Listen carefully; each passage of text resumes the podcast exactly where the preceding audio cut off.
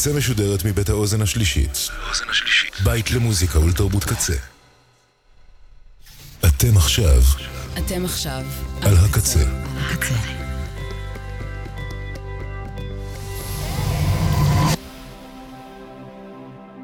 הקצה, הסאונד האלטרנטיבי של ישראל. הקצה. הקצה. נט. Welcome. It's nice to have you here. I'm so glad you could come. This is going to be such an exciting day. I hope you enjoy it. Isn't it about time for somebody's favorite radio program? Radio, what the fuck? Radio Rocky. CinemaScope. Yeah. CinemaScope. CinemaScope. In Yair Rave. So yeah, that's you the voice. That's the radio. This is the radio. That's a DJ. No, Hi better. There.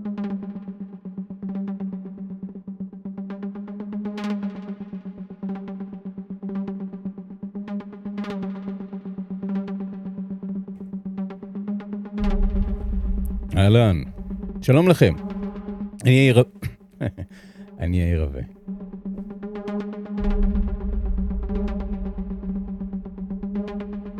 זו תוכנית מספר 315 ללמדנו, של 315 פעם לא לימדו אותי לגמור לבלוע מים לפני שאני מתחיל לדבר.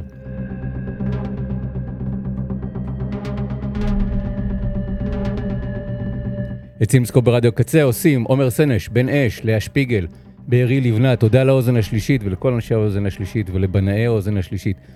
ותודה על, על קבלת הפנים והרוח ועל החדר ועל המיזוג ועל המכונות. תודה לקוואמי. תודה, לך, תודה לכם שאתם מאזינים.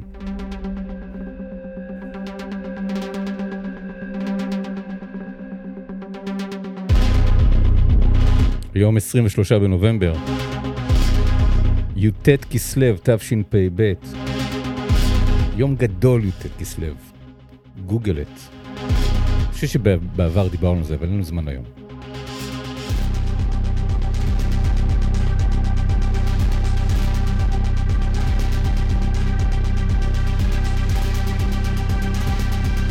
ותודה רבה מאוד לסינמטק תל אביב, כי סינמטקו ברדיו קצה משודר בחסות סינמטק תל אביב. הנה כמה המלצות מהסינמטק לשבוע הקרוב. היום, יום שלישי, בשעה תשע וחצי, יוקרן הסרט קשורות משנת 1996 של אחיות וושאובסקי. אה, ביימו בין היתר את מטריקס ואת ענן אטלס. הסרט משודר, מוק, מוקרן במסגרת תוכנית הנאו-נואר, מאחזת יחסים בין אסירה משוחררת לרעיית מאפיונר שמציגה לראווה את כישרונן של האחיות לבניית קצב, מתח, תזכורת. אחת האחיות בעוד חודש תביא לנו גם את uh, מטריקס 4. עוד במסגרת התוכנית של סרטי הנאו-נואר, סרטו של ון- ונדרס, ידיד אמריקאי משנת 1977, זה יוקרן ביום ראשון בתשע וחצי. ידידות בין פושע שמוכר זיופי אומנות לבין יצרן מסגרות, שהראשון נזכר לבצע שני מעשי רצח מפסגות היצירה הקולנועית של ונדרס.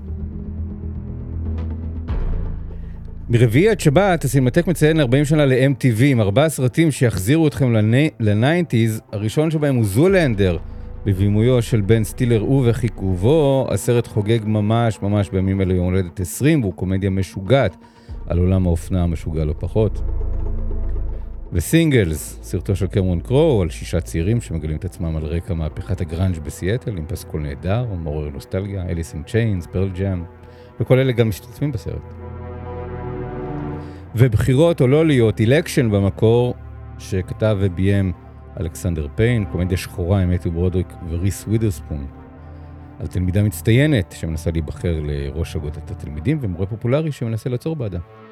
סרט מבריק, שאני חושב שלא מספיק אה, מכירים בישראל אה, אותו ואת גדולתו.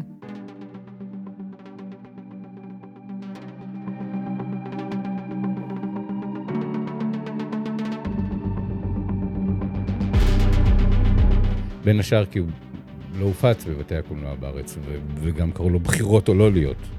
הוא פשוט נקרא election באנגלית. הוא, הוא, הוא מבריק.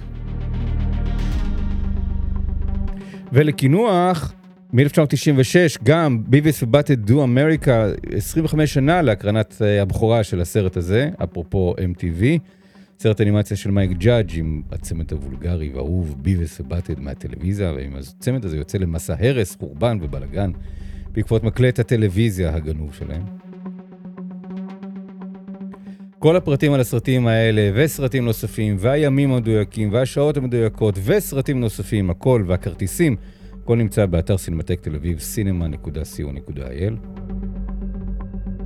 אני אוסיף משהו בהערה אישית, מחוץ לטקסט ששלחו לי מהסינמטק. הסרטים האלה, זה שיש 90's ו-80's בסינמטק בחודשים האחרונים, בשנה האחרונה, לא, חודשים האחרונים, זה נפלא בעיניי, ההבנה שגם ה-90's זה חלק ממשהו שיש, אה, להיות בסינמטק. ואני חושב שהשינוי שחל בסינמטק, א', מורגש באולמות, אני חושב, אה, וב' גם אה, מה שגורם לסינמטק לשתף פעולה עם התוכנית שלי. אני חושב שהדמוגרפיות מצאו את עצמם גם הם. אז תודה מאוד לסינמטק, ואיזה כיף שגם סינגלס וגם אילקשן. יהיו, אה, יהיו שם השבוע.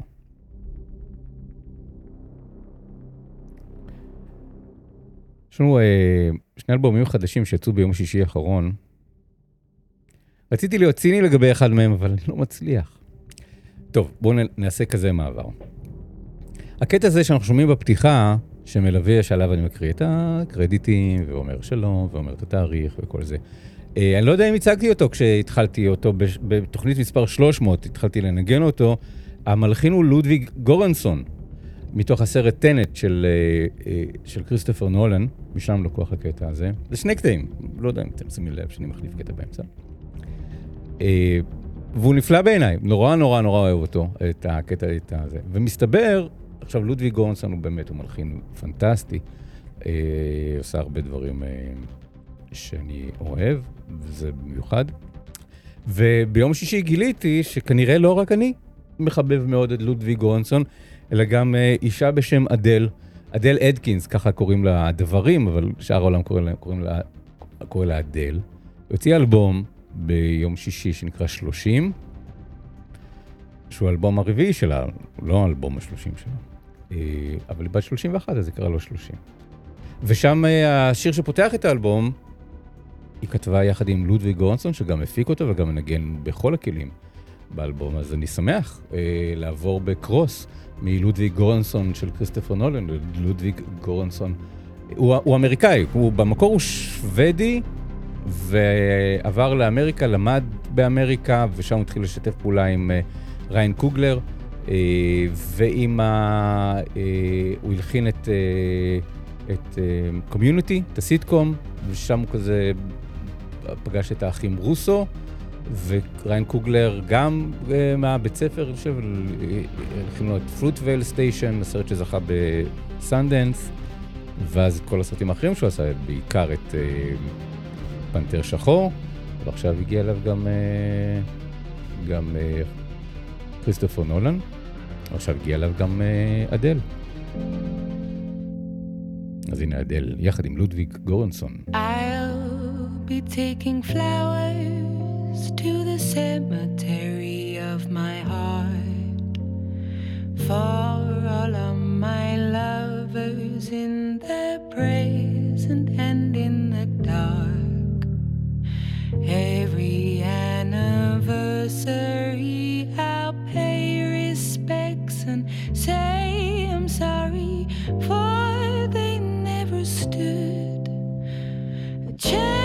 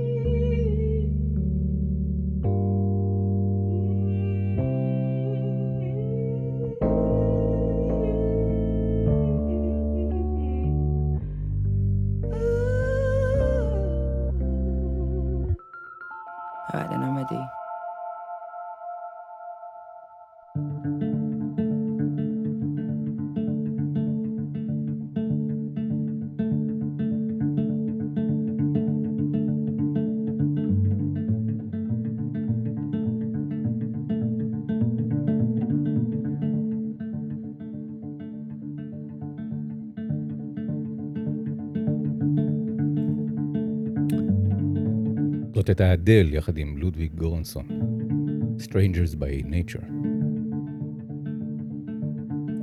וזה ג'וני גרינווד, מנהריה.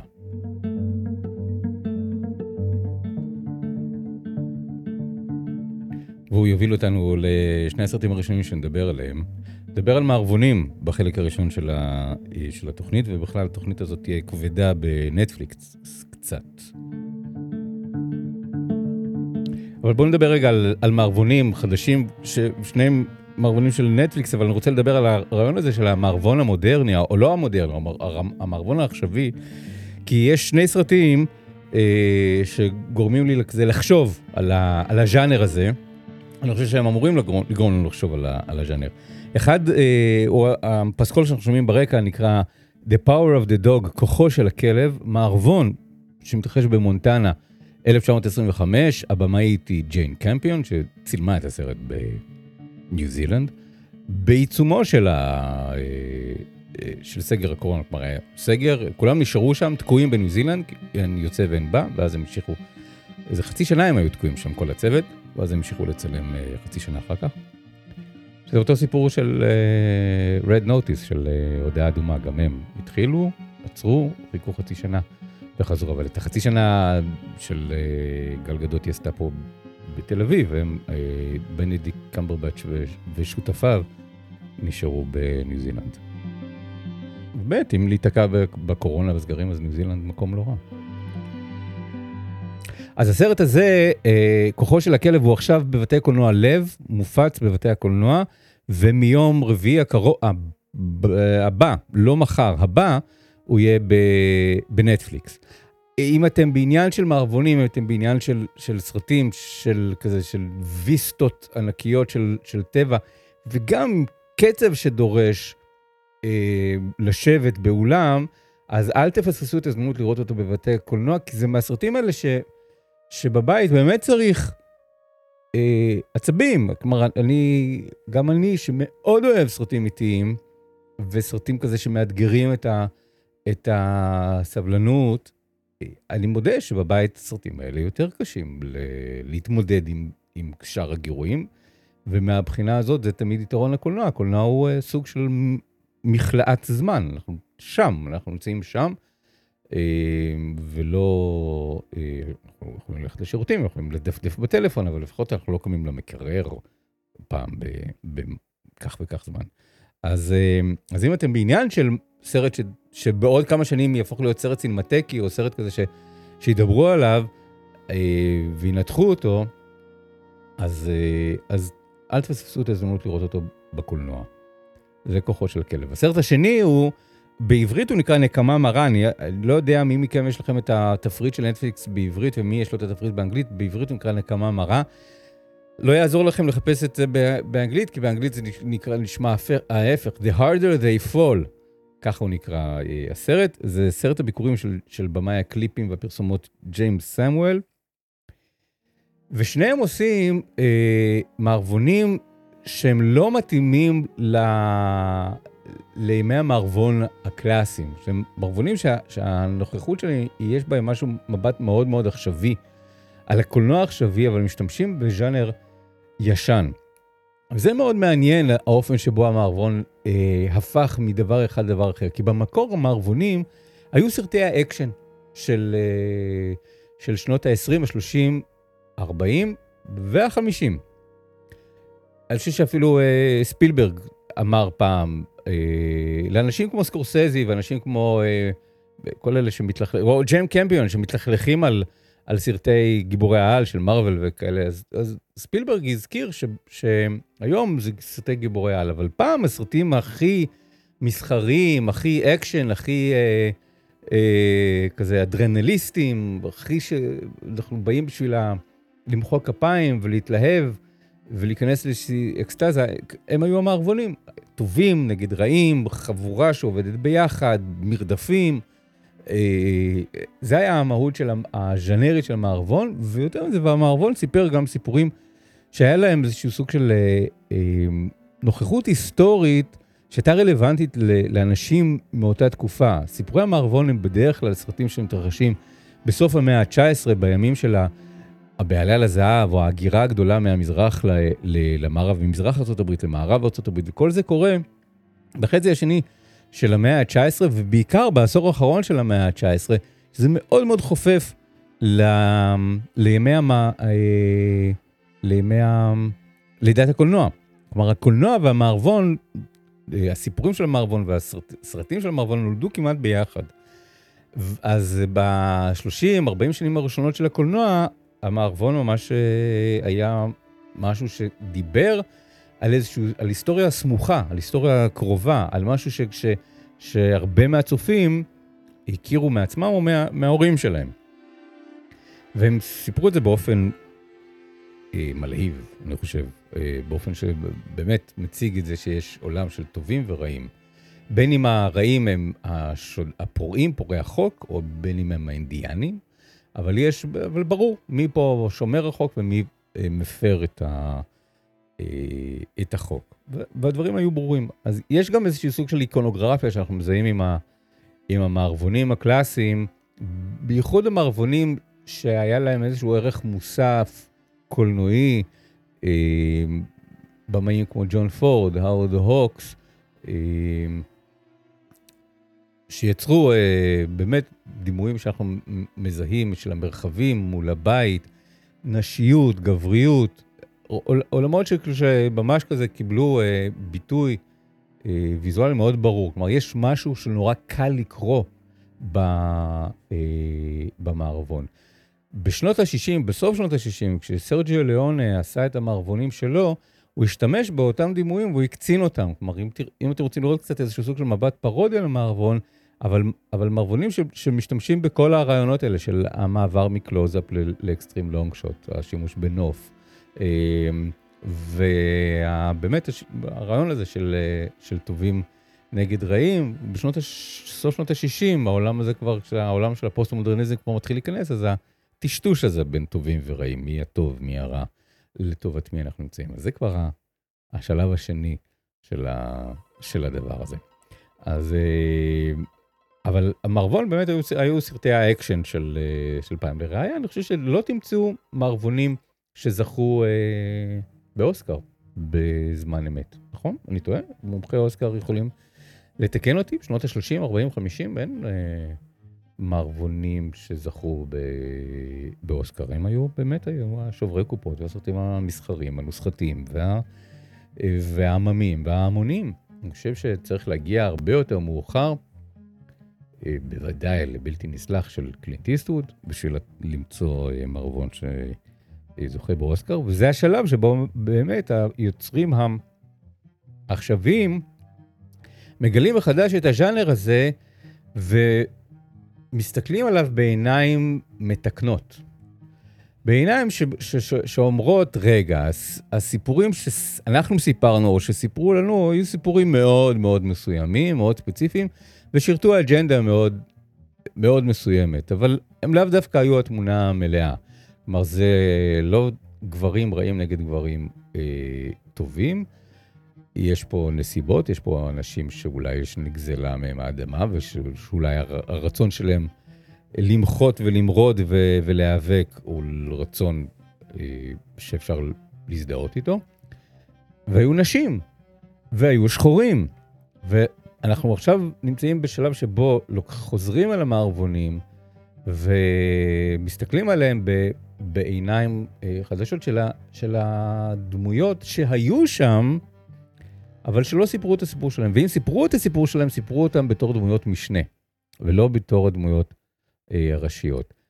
אז שני הסרטים האלה, הסרט של ג'יימס קמפיון והסרט של ג'יימס סמואל, אה, כוחו של הכלב ונקמה מרה, The Harder They Fall, שניהם מסתכלים על המערבונים בסגנונות שונים לגמרי, אבל מבעד לפרספקטיבה של, של אלה שהיו בצד.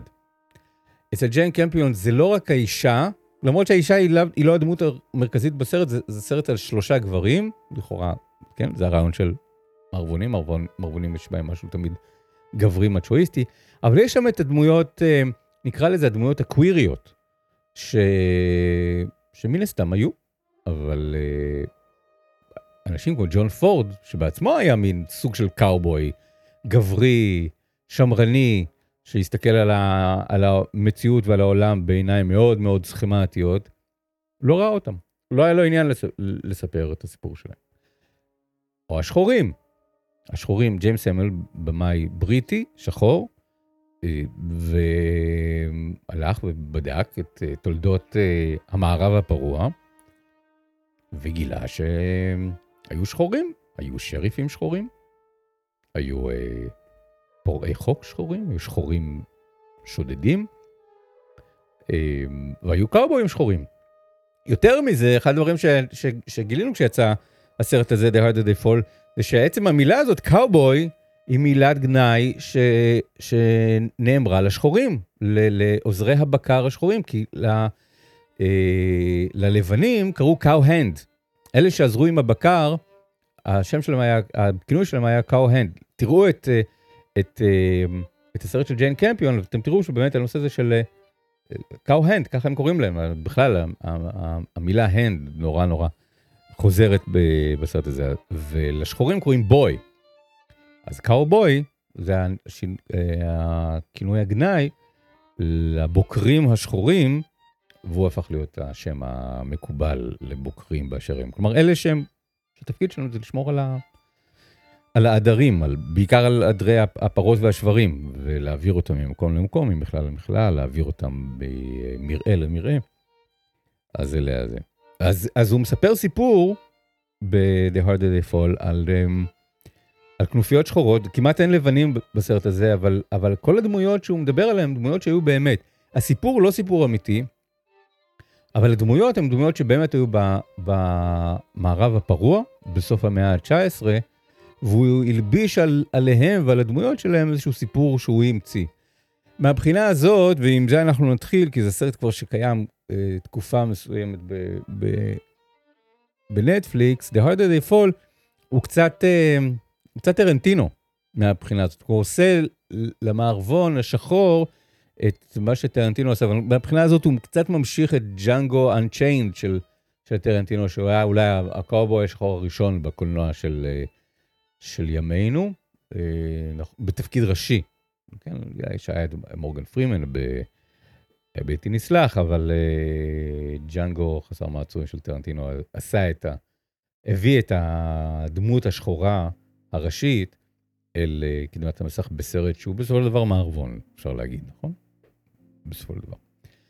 אז, אה, אז ג'יימס סמואל עושה מהלך טרנטינואי בסרט שיש בו גם הרבה מאוד מסרג'יו ליונה, שזה גם מה שטרנטינו עושה, והוא כל הזמן היה על הציר הזה בין רציני, כלומר שהאלימות שבו רצינית, ובין משהו שהוא כמעט פרודיה על, על הז'אנר. אני, אני מודה שהצד הפרודי של הסרט נמצא יותר בחצי השני שלו, ואז הסרט הרבה יותר אה, כיפי ומהנה מאשר בחלק הראשון, כי בחלק הראשון הסרט עוד לא מוצא את הטון שלו, או אני לא מצאתי את הטון של, ה, של הסרט, ולא לגמרי הבנתי למה סרט רציני ומאוד מאוד אפל, אה, משתמש ב, ב, ב, בתחבולות של, של ציניות ואירוניה ואיזשהו סוג של נימה מבודחת, כשלא הרגשתי בדחנות בתוכן. החלק השני הוא קצת יותר באמת, ה... יותר מסתנכרן עם הבדיחות אה, הלב שלה, גם של הסגנון המוקצן וגם של העלילה. זה בא לידי ביטוי בין השאר בפסקול. הפסקול הוא פסקול R&B עכשווי. הסרט מתרחש לפני 120 שנה, אבל המוזיקה היא מוזיקה בת זמננו. מהבחינה הזאת, אה, אם הזכרנו את אה, טרנטינו, אז אני עכשיו אזכיר את מולן רוז'. אני הרגשתי שג'יימס סמואל עושה מעין מולן רוז' למערבון. לא, במקום לקחת משהו שקורה בשנות ה-20, בפריז שנות ה-20, עלילה תקופתית, אבל להצמיד לזה פסקול עכשווי, הוא לוקח עלילה מסוף המאה ה-19 במערב פרוע, ומצמיד לזה פסקול עכשווי, ולא פעם הסרט כזה, כזה פולש לכיוון. המיוזיקל. כלומר, מבחינה סגנונית יש פה איזשהו אה, קרנבל, פסטיבל, משהו שהוא אה, אה, גם ישן וגם חדש, גם עתיק וגם מודרני, אה, וגם אמיתי וגם בדיוני, כאמור, הדמויות אמיתיות, אפשר לחפש את השמות של הדמויות, ולכולם יש ערך בוויקיפדיה ויש להם סיפור אה, שלם לספר, אבל הסיפור הזה שרואים בסרט לא קרה מעולם. אני גם לא בטוח שהדמויות נפגשו ביניהם. אבל יש כנופיה א' ויש כנופיה ב', והכנופיות היו, היו באמת, אבל אני לא חושב שהם, אה, שהם באמת נפגשו. וגם מגילאים, אחר כך הלכתי וחיפשתי גם, לא, לא, לא דמות שהכרתי ולא סיפורים שהכרתי, אבל גם מבחינת הגיל אה, הוא מוציא. אז יש פה המצאה שמבוססת על, על רעיונות היסטוריים. וזה מעניין, זה מעניין כי, הוא, כי זה גרם לי ללכת ולחקור ולחפור בנושא הזה של הקאובויים השחורים וה, והשריפים והמרשלים השחורים, כי, כי כשאני ראיתי את עוקפים לוהטים של מל ברוקס ב-1970 ומה? 4? ויש שם את, ה, את השריף השחור שמגיע, זאת בדיחה, כי אף אחד לא... אה, כל מי שראה את הסרט, כולל אני, כשמגיע שריף שחור לעיירה במערב הפרוע, זה מצחיק, כי מה פתאום? אז מסתבר שזה לא הייתה בדיחה, זה, זה, לא, זה מה פתאום בקולנוע. בקולנוע לא היו שריפים שחורים. במציאות, במערב הפרוע של, של, של המערב בסוף המאה ה-19, היו שריפים שחורים, היו, היו עיירות שחורות. ומה שיפה בסרט של, של ג'יימס סמואל, זה שמצד אחד הוא כאילו לא מדבר על נושא של רייס, אין, אין גזע, אין, אין שחורים.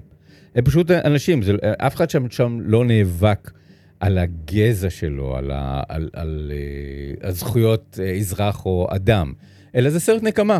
אה, אדריס אלבה הורג את ההורים של ג'ונתן מייג'ורס בתחילת הסרט, כשהוא ג'ונתן מייג'ורס הוא, הוא, איש, הוא קטן, הוא ילד קטן, ושנים אחר כך אותו אה, אה, דמות שגדלה להיות ג'ונתן מייג'ורס המבוגר, יוצאת לרדוף ולנקום אחרי כנופייתו של אדריס אלבה. זה הסרט.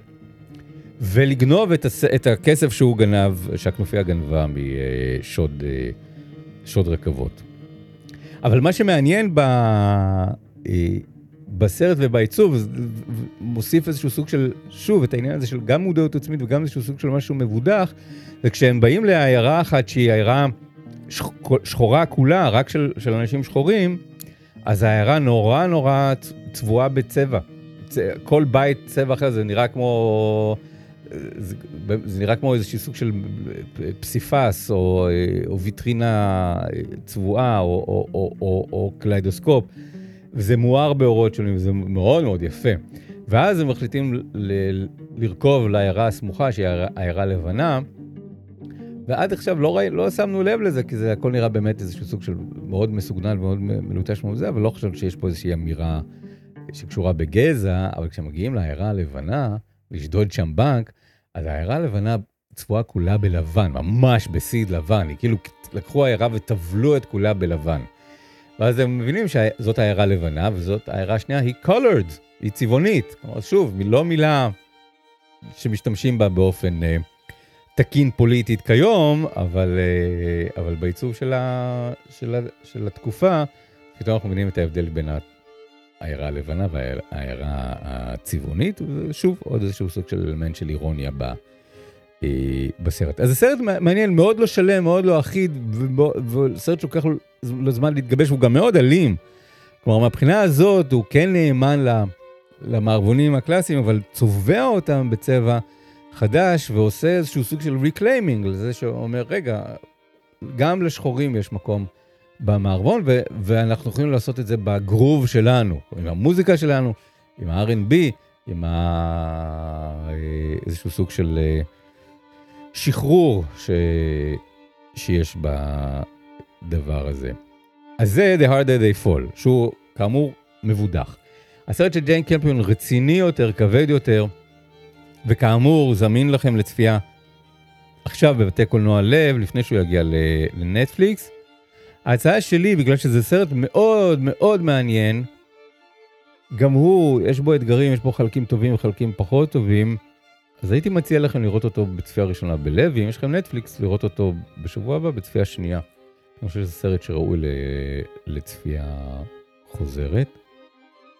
והוא מספר סיפור הסרט הזה מספר סיפור על שלושה גברים, שסביב, וסביבם, אה, והם חגים סביב אישה אחת. האישה היא מגלמת אותה קירסן דאנסט, אה, שהיא אה, בעלת מסעדה ובית הערכה בעיירה, שלשם מגיעים שני אחים. שני אחים שלא יכולים להיות יותר שונים אחד מהשני, אחד הוא בנ, בנדיק קמברבץ', השני הוא ג'סי פלמנס. אה, אחד הוא אה, איש מאוד מחוספס, בנדיק קמברבץ', מאוד מאוד מחוספס, מאוד אה, גס רוח, מאוד אגרסיבי אה, במילים שלו, בייחוד בכל פעם שהוא פוגש מישהו שהוא חלש ממנו, אז קודם כל זה האח שלו, שהוא לא רואה בו דמות מספיק גברית, ואחר כך האישה, ואחר כך הבן של האישה הזאת, שהוא, שיש בו משהו נשי. והוא באמת, באמת אה, רודן, באמת מישהו ש... ש אה, שיש בו משהו בהמי, כלומר, הוא, הוא, יכול להיות הקאובוי של עצמו, כי הוא, אה, הוא ללא ספק אחד הבהמות במכלאה הזאת שהוא, שהוא מטפל בה. ומולו האח שלו שהוא עדין יותר, ומעודן יותר, והסצנה הראשונה שבה אנחנו פוגשים אותם, אז האח העדין הוא באמבטיה. הוא רוצה את הניקיון הזה, את ה... לשרות בחדר הסגור, בפרטיות, בתוך מים, ההפך מהאבק והחול. האח שלו לא מתקלח, וכשהוא מתקלח אז הוא מתקלח ב... בנחל או בבוץ, ונראה שה... אה, שה... החוץ, the great outdoors, החוץ הוא ה... מה שקורה לו, לא הבית, אלא המרחבים. שזה קצת הדמות הסטריאוטיפית של, ה... של הקאובוי. הדמות הזאת, הג'ן, ג'ון ויין, ג'ון ויין תמיד כזה, או, או אה, אלן לד בשיין, באים מהמרחקים, באים מהאופק. האישה נמצאת בבית, הבית האפל, כזה נמצאת בפתח, בפתח הדלת, משקיפה אל החוץ, והגבר על הסוס מגיע מהמרחבים אל, אה, אל הבית. אז בנדי קמברבץ' הוא קצת הקאובוי הזה. אלא שגם לא יש טוויסט בעלילה. גם הוא לא הקאובוי הטיפוסי, למרות שהוא כאילו עושה את כל הדברים, יש שם סצנה שהוא מסרס אה, אה, שברים במו ידיו. כולם כזה נורא, הוא בעל הבית, כלומר, זה, העובדים הפשוטים אמורים לעשות את זה, אבל הוא עושה את זה בעצמו. זה עיבוד הספר של, של תומאס סווד, שלא הכרתי, אבל עלעלתי בו אחרי שראיתי את הסרט, ו- וככה זה מתחיל, בזה שפיל אה, ברבנק, זה שמו, אה, מסרס את, הש... את הפרים בעצמו. זה הקטע שלו, והוא לא לובש כפפות כשהוא עושה את זה, הוא לא הגבר הרכוכי הזה שחושש מחתכים אה, או, או שפשופי חבלים או, אה, או, או, או, או, או פציעות. הוא עושה את זה במו ידיו החשופות, נקודה מאוד חשובה בעלילה של, ה, של הסרט והספר. ו... ולכן הרעיון הזה שהוא עושה את זה במו ידיו. אבל הוא בכל זאת לא הקאובוי הטיפוסי מהקולנוע של שנות ה-30 וה... וה-40, ולתמונה הזאת נכנס גם הבן של, של uh, רוז, uh, רו, קוראים לה רוז גורדון, שזה נשמע לי כמו רוז גארדן, כמו גן של שושנים או גן ורדים.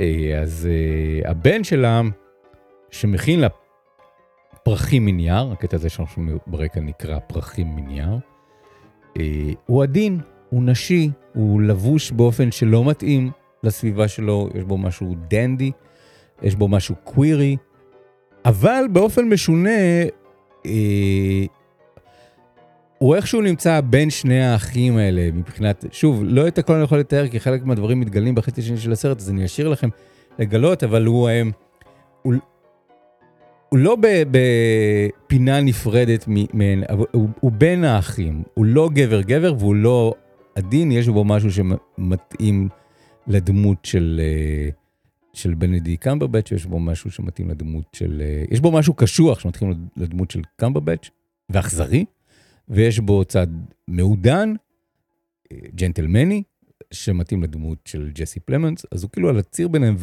וזה הרגע המעניין הזה, שבו אה, ג'ן קמפיון מתייחסת לז'אנר של המערבון ועושה את זה במודעות, לדבר על, על מגדר, לדבר על, על גבריות. כי, כי במערבונים של פעם היו גברים והיו נשים. והגברים עשו והתעסקו בדברים שלהם. ואני אומרת, לא, לא, לא, אין, אין גבר אחד, יש כל מיני סוגים של, של, של גברים, ולא לכל אחד יש את אותו סיפור. וגם מה שנדמה לנו, סטרייט, גיי, קוויר, כל הדברים, כל המושגים האלה, גם הם, הם אה, יותר מורכבים ממסגרות וקטגוריות. והסיפור שלנו לא סופר במערבון לפני זה.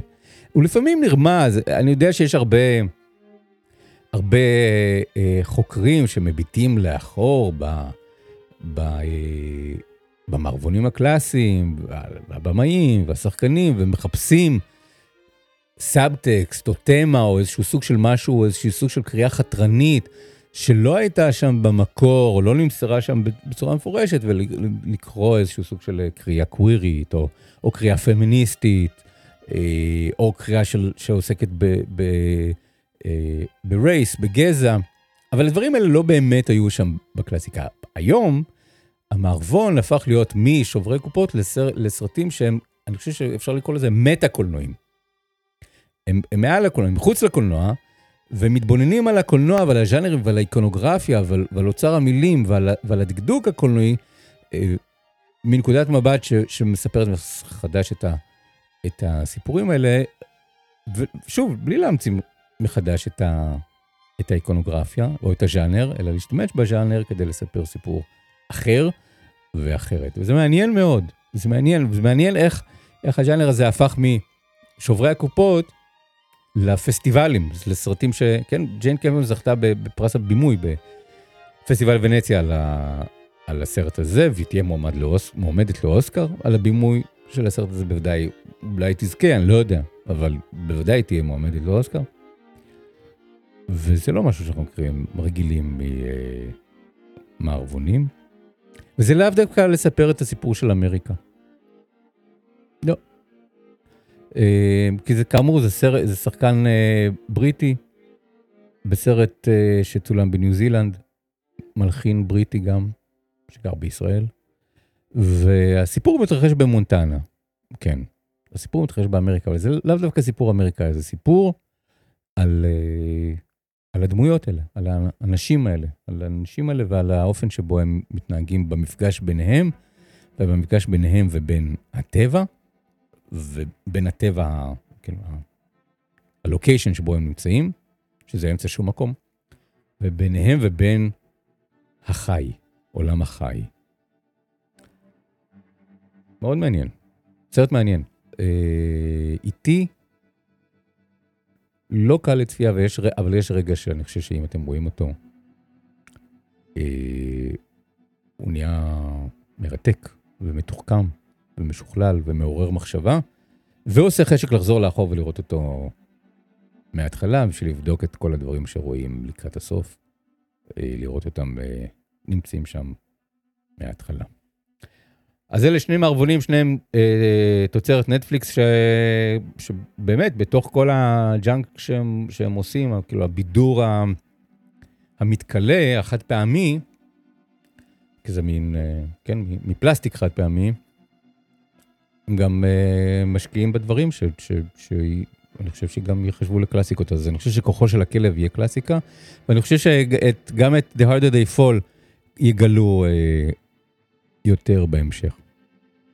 והם שניהם, שני מערבונים מאוד מעניינים, שנמצאים שם, אפשר לעשות דאבל פיצ'ר, הם שונים מאוד לגמרי. יש לנו עוד סרט של נטפליקס לדבר עליו, אבל קודם כל אה, עוד שיר מעוד אלבום, אלבום חדש שיצא ביום שישי האחרון, אז שמענו את אדל, זה יצא ביום שישי, ו... וגם אלבום חדש של Elbow, להקה שאני כל כך אוהב ממנצ'סטר. אה, הוציא אלבום מאוד מינורי, מאוד אקוסטי, מאוד אה, אה, שקט. הם הקליטו אותו בסגר, או באחד הסגרים שהיו אה, באנגליה. אלבום נקרא Flying Dream 1, האם זה אומר שיהיה Flying Dream 2 גם? לא יודע. אבל חלומות, אה, חלומות תעופה זה משהו שנראה לי נפוץ. וזה שיר שנקרא What am I without you? מה אני בלעדייך או בלעדיך? מה אני בלעדיך? אלבו, חדש. The universe keeps singing this song.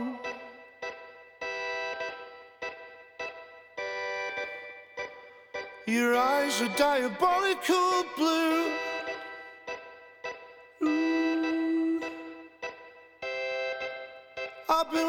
Watching you walk on the water lately. My arms outstretched when you do. What am?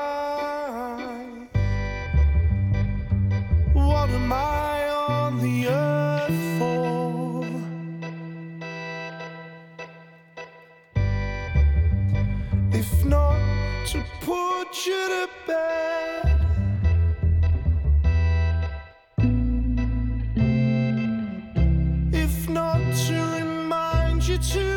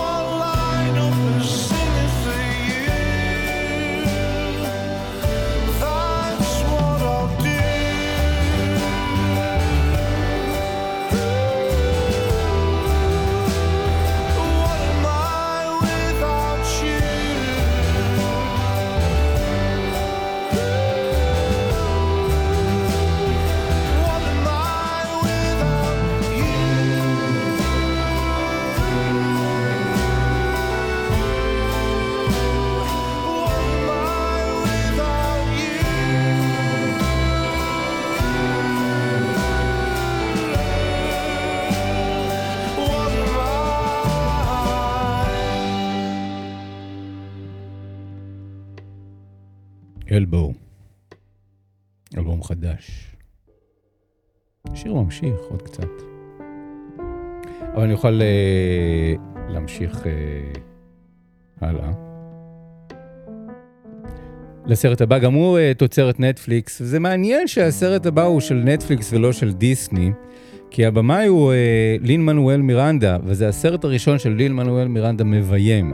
עד עכשיו לין מנואל מירנדה הוא איש של מילים. הוא השף של מילים, האיש מאחורי המילטון. אני חושב שזה דבר גאוני, המילטון. אני חושב שהוא גאון, לין מנואל, מירנדה. וכמו שקורה הרבה, אני חושב שמאז ומתמיד בתולדות דיסני, כשמשהו מאוד מצליח בברודוויי, דיסני לוקחים אותו, קונים את הדבר הזה, כי הם, כי הם רוצים את האנשים האלה שהם טובים בשירים ובמילים ובמוזיקה. בוודאי בשנות ה-80 זה קרה ככה עם האוד אשמן ו, ושותפו, נו, שכחתי את השם של, זה לא פעם ראשונה שקורה בתוכנית הזו ששוכח את, את השם של המלחין של בת הים הקטנה ואלאדין ו... היפה והחיה, יחזור אליי. אז, הם, אז לין מנואל מירנדה הפך להיות ממש תמלילן הבית של, של דיסני, במואנה הוא, הוא הצטרף. אה, ובסוף השבוע עולה סרט שנקרא אנקנטו, סרט חדש של דיסני של לין מנואל מירנדה כתב את המילים בו, עוד לא ראיתי את הסרט הזה, אני לא יודע איך הוא. אה, אבל, אה, ויש סרט נוסף בנטפליקס שלך, ויבו, שגם את המילים שם לין מנואל מירנדה כתב, אבל לא איש של מילים. מסתבר שיש לו גם אספירציות לביים, ואז אוקיי, איש כותב מילים לשירים, בחרוזים, במשקל, בראפ, אה, ובלטיני, וגם ה- היה לנו מוקדם יותר השנה את אה, In the Heights, שכונה על הגובה, אה, שמבוססת, אה, סרט שמבוסס על, אה, על המיוזיקל הראשון שלין מנואל, מנואל מירנדה כתב, וזה הטוני הראשון שלו, הוא לא זכה בטוני פעם ראשונה על, על המילטון, היה לו כבר טוני על In the Heights. אה, אז באמת אנחנו נמצאים כזה בכמה שנים שכמעט כל דבר שיש בו משהו מוזיקלי, מישהו מגייס את לין מנואל מירנדה אה, אליו, לדבר הזה. כולל בעונה הקודמת של אה, Curb Your Enthusiasm, בתרגיע של לארי דויד, שהיה שם עניין של לארי דויד רוצה לעבוד עם, עם לין מנואל מירנדה, וההפך. והוא מגלה ש... של לין מנו- מנואל מירנדה הוא בלתי נסבל. עכשיו, היו, היו מי שכתבו ברשתות החברתיות, אני לא יודע אם אמינות או לא, ש... שהאיש הזה שהוא כל כך נחמד ומתוק ומצחיק ומשעשע ושחקן ו- ו- ובדרן וקומיקאי ו- והוא נפלא בתוכניות הרוח שהוא, שהוא, שההצלחה עלתה לו לראש, אז אולי משהו מה, מהמציאות הזאת אה, לארי דיוויד אה, חשף, אבל אני לא יכול שלא לאהוב ולהעריך אותו בזכות הדבר הראשון שהוא עושה כבמאי. כי כשמישהו אומר, אוקיי, זכיתי להצלחה, עכשיו אני רוצה את השלב הבא בקריירה שלי, אני רוצה להיות במאי, אני רוצה לעשות סרט, אני רוצה... אז אוקיי. אז מה, אז מה יעשה בן אדם שרוצה אה, לביים, וגם רוצה שיראו שהוא נפלא ומדהים, אז הוא יעשה משהו שהוא כותב בעצמו, משהו ש, שקרוב אליו, שאישי, מספר על, על הילדות שלו, מנצל את הדבר הזה כדי להתעסק בחומרים האוטוביוגרפיים.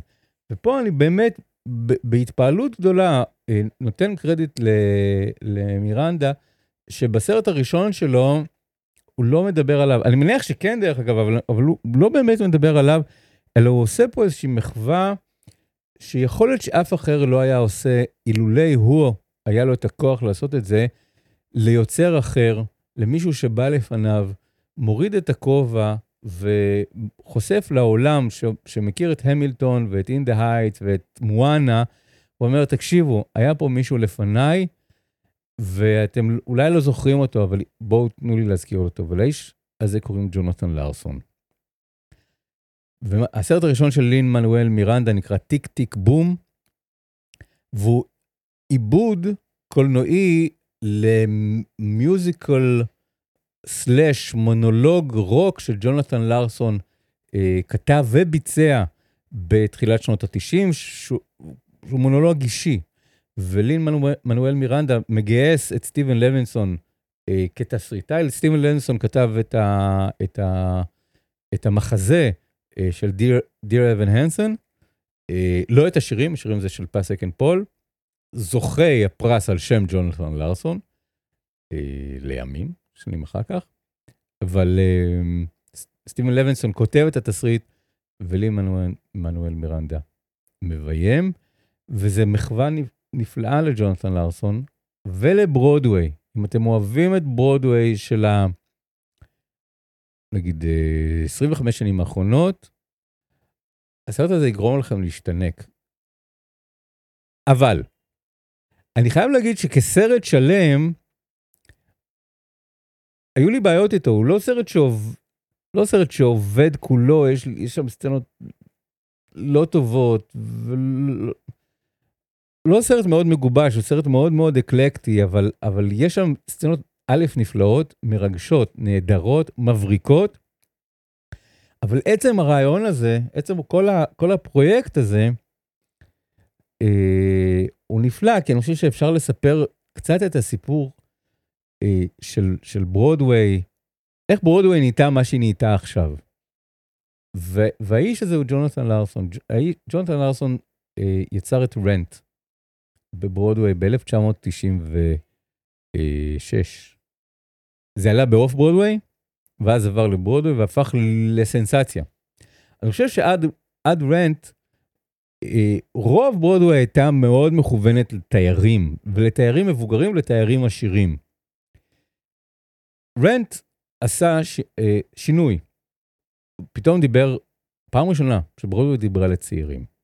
לצעירים הניו יורקים, צעירים המקומיים, צעירים שלאו דווקא היה להם עניין במה שקורה בברודווי, כי ברודווי הייתה בורגנית ויקרה מדי בשבילם. פתאום מגיע יוצר צעיר בשם ג'ונתן לארסון, בן 35, ומדבר עליהם, מדבר על מה זה להיות אה, איש תיאטרון, או איש יצירה, או אומן, או אומנית, בניו יורק, בשנות ה-90, עם תסכולי יצירה, עם עוני ועם איידס.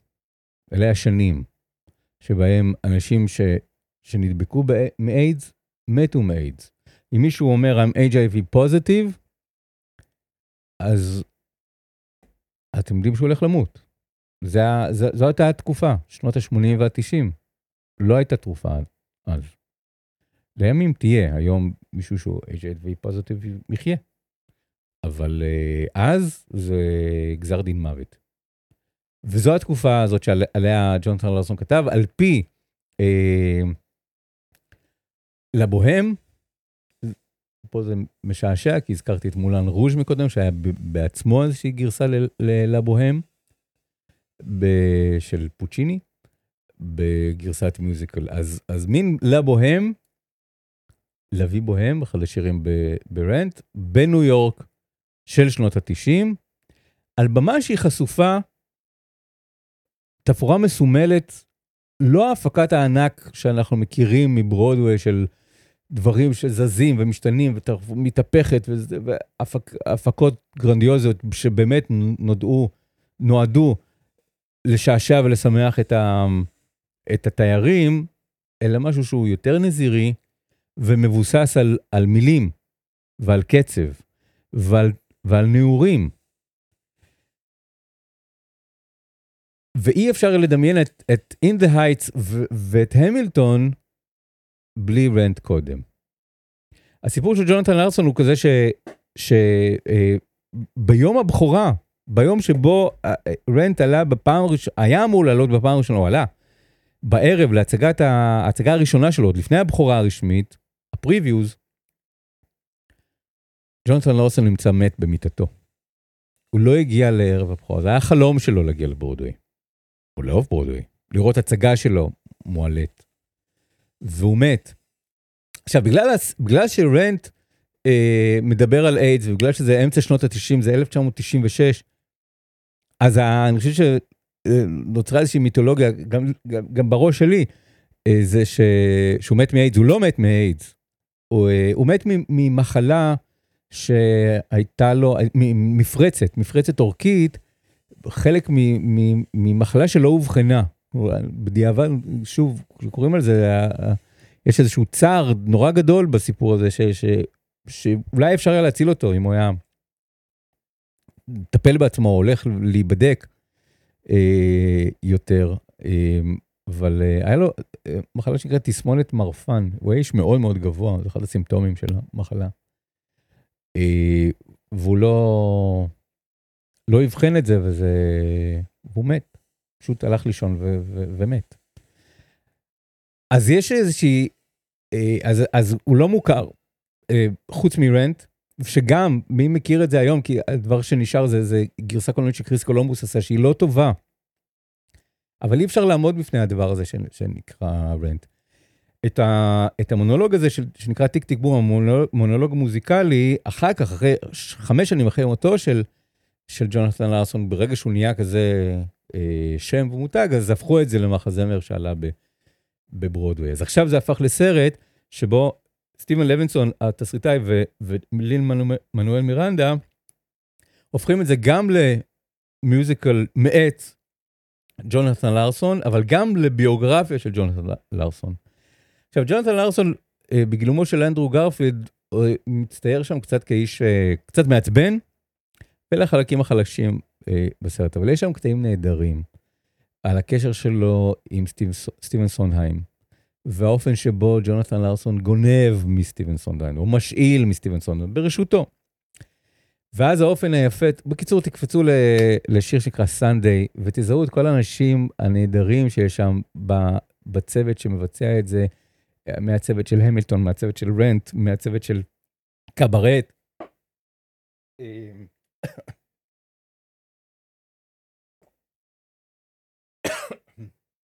המון.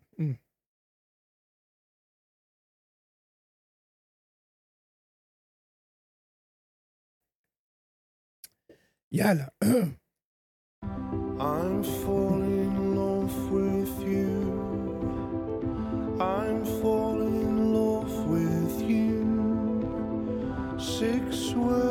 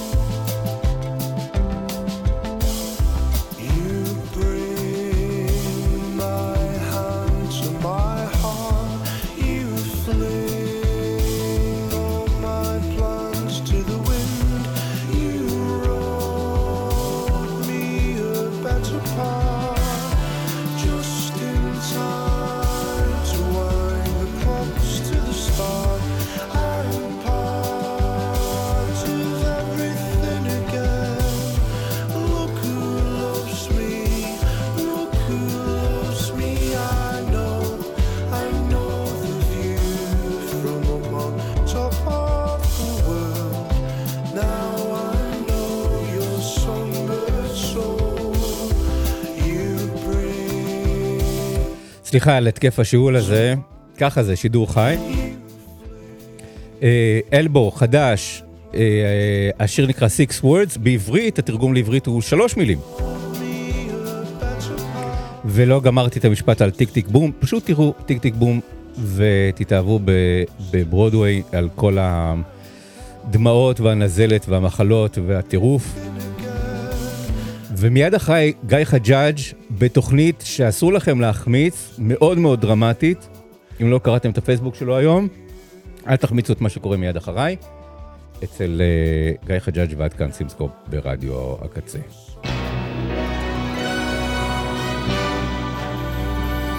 סינמסקופ, סינמסקופ.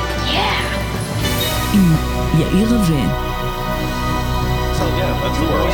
That's the radio. This is the radio. That's a DJ. Hi there.